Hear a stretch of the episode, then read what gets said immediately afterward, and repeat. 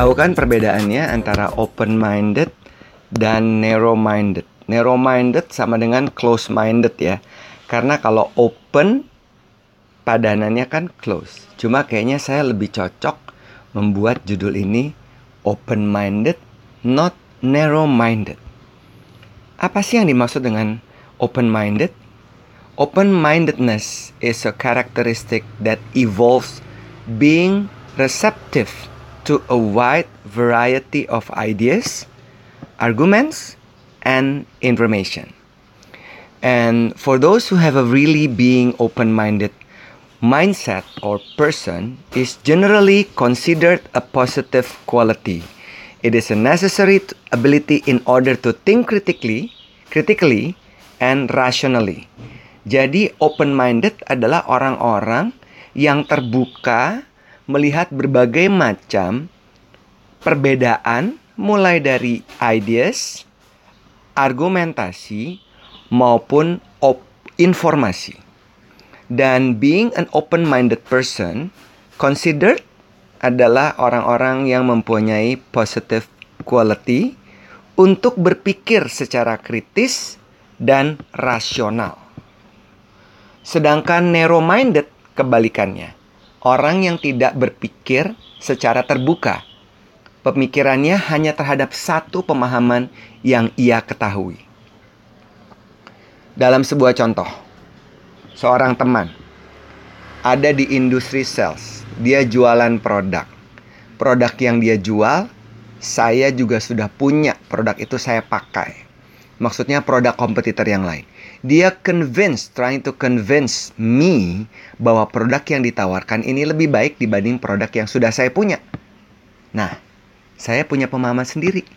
Dia punya pemahaman sendiri. Tapi karena dia jualan, dia memaksakan saya untuk membeli produknya. Saya bilang, saya tidak tertarik. Dia tetap maksa. Dia bahkan menghitung A, B, C, D. Tujuannya untuk mempengaruhi saya. Saya sulit dipengaruhi. Sama mungkin seperti Anda. Tapi saya selalu menjadi berusaha berusaha menjadi pribadi yang terbuka, melihat dari sudut pandang yang berbeda. Cuma kalau ngomongin soal produk, ini kan produk A dibanding produk B kan ada plus minusnya semuanya. Saya udah familiar dengan produk itu, dia tetap maksa. Terus saya bilang, kalau lo maksa lagi berkali-kali, gue sebel nih sama lo. Tapi orang ini tetap narrow minded. Dia bilang yang saya beli itu nggak tepat dibanding yang dia tawarin. Lah dia jualan. Terus kalau dia pindah ke tempat lain, dia pindah ke tempat lain, jualan produk lain, dia pasti akan bilang produk itu lebih baik daripada produk sebelumnya yang dia jual. Menurut lo, akhirnya apa winners? Hubungan kami tidak harmonis, saya udah sebel, saya udah kesal karena dia berkali-kali force me to buy his product. Akhirnya hubungan kita tidak harmonis lagi. Siapa yang rugi? Gue mah kagak rugi, dia yang rugi. Ada lagi satu orang menawarkan produk. Jadi anak saya ini masuk ke sebuah komunitas. Nah, ada marketing manajernya di situ. Wah, dia propaganda A B C D. Wah, emang ini produk ini uh, komunitas ini paling benar, Pak. Tepat sekali. Udah kelar tiba-tiba sebulan kemudian saya dapat WhatsApp dia jualan produk dari komunitas yang berbeda. Terus saya tanya, "Loh, Kok kamu nawarin ini? Enggak, saya udah pindah. Pak, saya pindah ke tempat yang lain. Nah, dia pindah ke tempat yang lain, dia bilang produk dia yang saat ini di produk tempat itu lebih bagus dibanding, dibanding produk sebelumnya. Marketing banget, jualan banget, gitu kan ya. Jadi memang si winners nggak bisa di, nggak bisa dipungkiri ya bahwa setiap orang itu punya pemahaman yang berbeda-beda, punya belief yang berbeda-beda, punya wah yang lewat dulu tuh barusan ya. Punya sesuatu yang diyakini lebih benar dibanding pemahaman orang lain. Berarti orang itu kan narrow minded ya, nggak open minded. Iya dong. Pernah lagi ya, pernah lagi. Suatu saat saya, istri saya, sama my father-in-law. My father-in-law ini berbeda keyakinan dengan kami. Kami Katolik. Mertua saya beragama Muslim. Suatu saat si mertua bilang gini ke istri saya, apa papi pindah aja ya ke agama Katolik? Terus istri saya bilang gini, loh papi, Ya terserah papi lah. itu kan urusan papi. Mau pindah agama mau enggak, enggak apa-apa. Kami sih oke-oke aja. Terus ini kan menjadi sebuah contoh ya. Ya akhirnya ya mertua saya tetap dengan keyakinannya. Dan kami menghargai perbedaan di rumah ini. Jadi kami Natal, kami juga Lebaran. Kebetulan mertua tinggal di rumah. Ketika seseorang tidak memaksakan pendapatnya terhadap orang lain, kan kita bisa jadi harmonis ya. Dan hal-hal ini kemudian terrefleksi dari berbagai macam kehidupan kita saat ini. Banyak orang yang memaksakan pendapat, merasa beliefnya lebih benar dibanding orang lain, merasa pengetahuannya lebih tepat dibanding orang lain. Ini seperti katak dalam cemburu. Yeah, how y'all feeling out there? Sabor do Rio. Let's go. Uh, yeah, come on.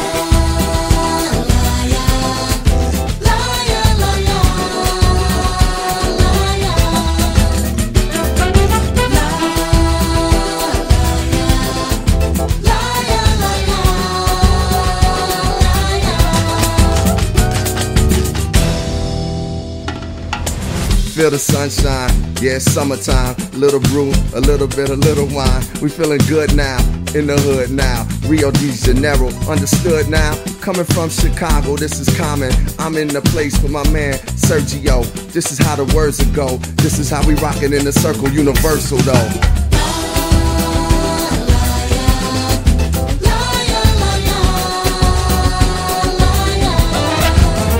You can feel it, come on, yeah.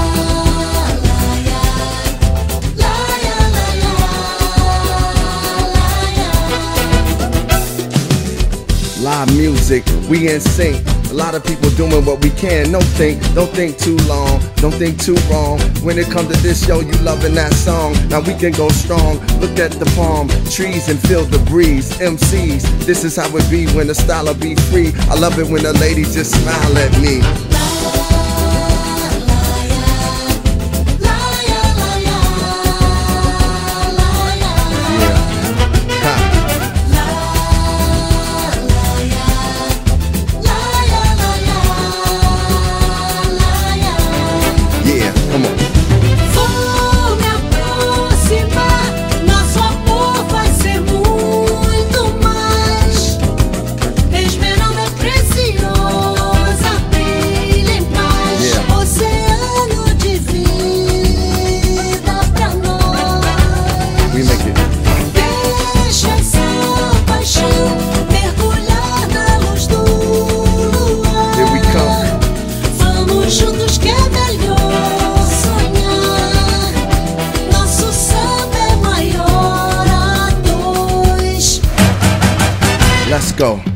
This discussion over Rio percussion. It's like this, y'all. Everything is gushing. A little bit of waters for the sons and daughters. When it come to Brazil, it's all in order. Gotta go down, gotta hold down. Shout out to my man Reem from Motown. But we coming back to Brazil to feel the type of things that's real, yo. Everybody chill and just.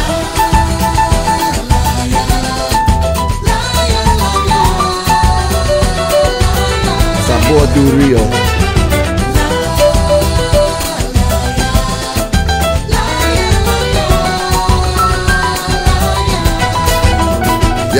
Make the music with the sound and get busy. Everybody out there, yo, get with me. We going from Brazil to Shot City.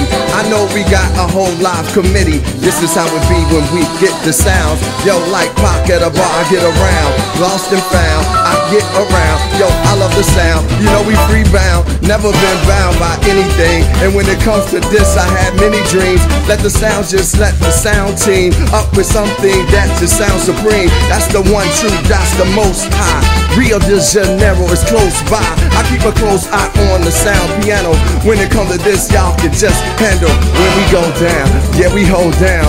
Yo, the fort, yo, just get your hold down. Let it go now, let it go now. Yeah, we hold down the fort, what you thought now. Let it go now, let it go now. We can hold down the fort, what you thought now. From the carnival, you should know the style. Constance, y'all, I'm the only child of my mom and brown, hands down. I can stay focused, cause we be the dopest. Never wrote this, but it's all cool. Sergio Mendes, musik yang berbeda, yang mungkin tidak familiar di kupingmu, tapi Winners bisa mengerti bahwa eh ada juga ya corak musik kayak gini dibanding corak musik keroncong, Melayu, dangdut, pop, ada juga corak musik sangat ritmik, sangat elektronik. Nah, coba bayangin, kalau cuma ada satu musisi yang bilang musik yang dia kuasai udah musik yang paling benar dibanding musik-musik aliran-aliran yang lain. Kan orang ini menjadi narrow minded. Apakah orang-orang yang narrow minded dapat bertahan untuk hidup? Ya dapat karena mereka berada di lingkungan yang sama. Apakah orang kalau dibandingkan orang-orang yang punya pikiran terbuka yang open minded dapat bertahan hidup? Ya dapat juga. Karena mereka tidak cuma terkoneksi di dalam satu komunitas, tapi mereka terkoneksi oleh banyak sekali perbedaan-perbedaan dari komunitas-komunitas yang tidak sama. When we have a open-minded mindset, it's like an open door to any possibilities in order to learn, to understand about other belief and behavior and perception. Sehingga kita bisa respect adanya perbedaan yang tidak sama, kita menghargai, dan kita dapat juga melakukan kerjasama atau kolaborasi. Karena kita adalah makhluk sosial yang tidak bisa hidup sendirian. Kita memerlukan orang lain untuk membuat kita dapat menjalani pekerjaan dan hidup ini. Ini ada lagi satu cerita. Kemarin teman saya seorang yogi ya. Teman saya ini sedang meniti karirnya sebagai yogi. Yoga, ngajarin orang, A, B, C, D. Nah, biasanya tuh di dalam awal-awal ketika mau memulai, itu ada ritual-ritual tertentu untuk orang bisa lebih aware dengan humming dan lain-lain. Ada beberapa kelompok orang-orang di tempat itu yang ketika teman saya bilang em tarik napas saung gitu-gitu ya ada sebagian yang merasa bahwa itu bukan ajaran agamanya jadi mereka diem. Terus saya bahas saya bilang lo bukannya itu universal ya? Yang kayak gini-ginian itu kan semua agama mengajarkan kebaikan. Semua agama mengajarkan respect terhadap agama lain karena ya tujuannya cuma satu ke atas, bahwa kita tahu bahwa ada kekuatan lain selain kekuatan manusia, yaitu sang pencipta kita. Tapi kan tidak bisa dipungkiri ya, setiap orang punya pemahaman yang berbeda dan tidak sama. Ya it's okay, nggak apa-apa gitu, bebas-bebas aja. Kalau saya lihat misalnya, saya juga berkawan dengan rata-rata teman-teman dekat saya itu tidak sama dengan agama saya. Justru buat saya malah menarik mempelajari mereka bukan karena kita berbeda agama, tapi kita punya banyak kesamaan. Kita punya banyak cerita, kita punya banyak pengalaman yang berbeda-beda, dan pengalaman yang berbeda-beda mendengarkan cerita mereka itu memberikan perspektif baru kepada saya tentang ritual mereka, tentang situasi mereka, tentang kondisi mereka. Misalnya, kayak saya punya satu kelompok, ini benar-benar beda. Terpaut usia kami, saya dengan mereka, mereka lebih senior 20 tahun bedanya dibanding saya. Satu seorang sastrawan, satu seorang seniman. Kami sering berjumpa beberapa kali dalam setiap tahun. Saya dengerin si seniman itu cerita tentang hasil karyanya. Hasil karyanya ada di beberapa museum di luar negeri. Saya belajar tentang prosesnya, saya datang ke workshopnya, saya ngeliat cara pandangnya, cara dia membuat, cara dia menjual produknya. Saya dengerin si sastrawan ini dia cerita tentang bagaimana pergolakan perjuangan masyarakat Indonesia sebelum kemerdekaan karena beliau udah hidup lebih lama dibanding saya. Saya dengar tentang cara membuat sebuah narasi, cara membuat sebuah pemahaman yang dituangkan dalam bentuk tulisan. Saya mengerti, saya oh ternyata begitu ya cara membuat sebuah cerita yang berdasarkan budaya-budaya yang ada di Indonesia, budaya-budaya yang ada di luar negeri. Karena beliau adalah seorang sastrawan terkenal. And I learned from him.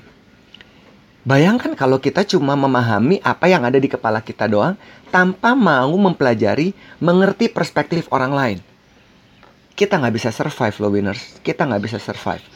Kalau dulu dan sekarang, kalau Anda tanya ke saya konteks komunikasi udah beda banget. Kalau dulu orang nggak melihat komunikasi sebagai hal yang ultimate atau yang utama. Orang dulu hanya mengacu kepada skills. Mau lo kaku, mau lo nyebelin, mau lo arogan, nggak apa-apa dulu itu nggak penting. Yang penting lo punya skill. Dan dulu kita banyak sekali bisa lihat orang-orang yang sukses karena nepotisme. Ya kan? Nepotisme ya. Keluarganya lah, teman-temannya lah. Nah, tuh lewat dulu tuh biarin ya. Semuanya. Akhirnya apa? Ada budaya asal bapak senang. Itu kan hanya untuk kelompok tertentu. Tidak terbuka untuk kelompok-kelompok yang lain. Tidak terbuka untuk hal-hal yang lain. Kalau sekarang kita lihat, orang-orang itu nggak mau ketemu dengan orang-orang yang palsu. Kita mau ketemu orang-orang yang terbuka, bukan asal bapak senang. Kita mau ketemu orang-orang yang genuine, yang sincere apa adanya. Dan sekarang akhirnya dulu dulu orang cuma lihat skill, sekarang orang ngelihat komunikasi is important, is the ultimate key for success. Bagaimana saya bisa mempengaruhi tanda petik ya para peserta di dalam kelas atau di dalam coaching session yang beliefnya berbeda, agamanya berbeda, pemahamannya berbe- berbeda, pengetahuannya berbeda. Saya mengambil kacamata konteks komunikasi di dunia modern harusnya begini. Nah mereka yang tadinya nggak kepikiran sekarang ngelihat oh iya bener juga ya. Karena ada hal-hal yang berhubungan dengan kerangka berpikir, masuk akal atau enggak, logis apa enggak. Ini kan sangat menyangkut bagaimana seseorang untuk memutuskan berubah. Kalau saya cuma bilang bahwa komunikasi ini adalah kata-kata, ternyata komunikasi nggak cuma kata-kata, komunikasi ada bahasa tubuh, komunikasi ada intonasi suara. Kalau dulu orang bilang komunikasi nggak penting karena penampilan juga nggak penting. Ya bagaimana kita bisa berubah? Bahwa sekarang orang sangat terpapar dengan sosial media, we judge the book by its cover. Dulu penampilan nggak penting. Sekarang dengan adanya sosial media, penampilan menjadi matters, walaupun tidak ultimate. Kalau dandanan rapi, orang lebih menghargai kita. Rambut berantakan, orang males. Perbedaan dulu dan sekarang, kontras banget winners. Nah, kalau kita hanya bertahan dengan pemikiran kita, narrow-minded, berarti kita resistance terhadap perubahan. Kita tidak berani untuk melihat segala sesuatu dari perspektif yang berbeda. Dan orang-orang yang open-minded adalah orang-orang yang mempunyai kualitas-kualitas yang positif ya terhadap perbedaan yang dilihat dan dihargai. Dan kalau kita hanya bertahan terhadap pemikiran kita dari kelompok kita doang, kemudian kita menutup diri melihat perubahan dunia yang sekarang sudah sangat kontras. Komunikasi nggak cuma melulu soal kata-kata. Komunikasi adalah exchanging paradigma, mengajak orang untuk berpikir dari kacamata kita dan kacamata norma yang berlaku di masyarakat, yang tepat, yang positif kayak gimana. Bahasa tubuh pun harus terbuka, tidak tertutup. Nah itu udah contoh. Kalau bahasa tubuh tertutup, tangan disaku, muke lempeng,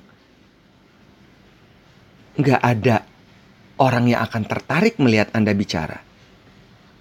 Apalagi dengan pikiran Anda yang narrow-minded. Bagaimana Anda bisa mempengaruhi mereka?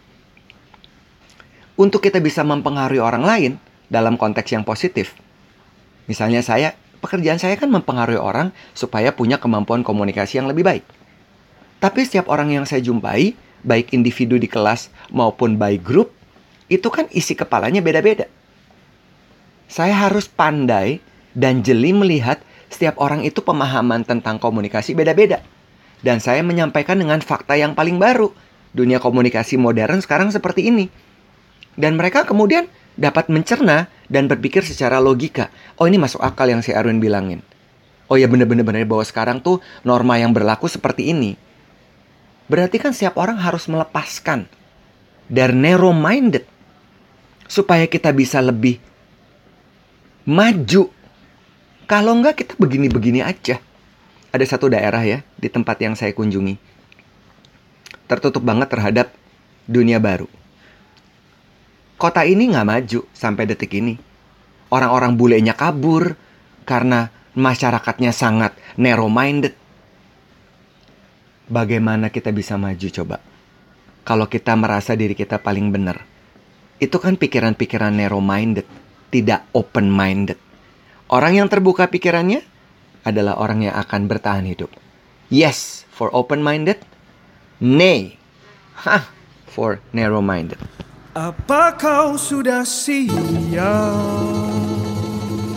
Kapal ini kan laju Aku jadi kaptennya Ku pegang kendalinya Kau perhatikan petanya Kalau ada yang goyah Tanyakan kepada Mudah-mudahan aku selalu cukup tahu Tapi kalau tidak Keberatankah kau? Bila kita cari Apa yang jadi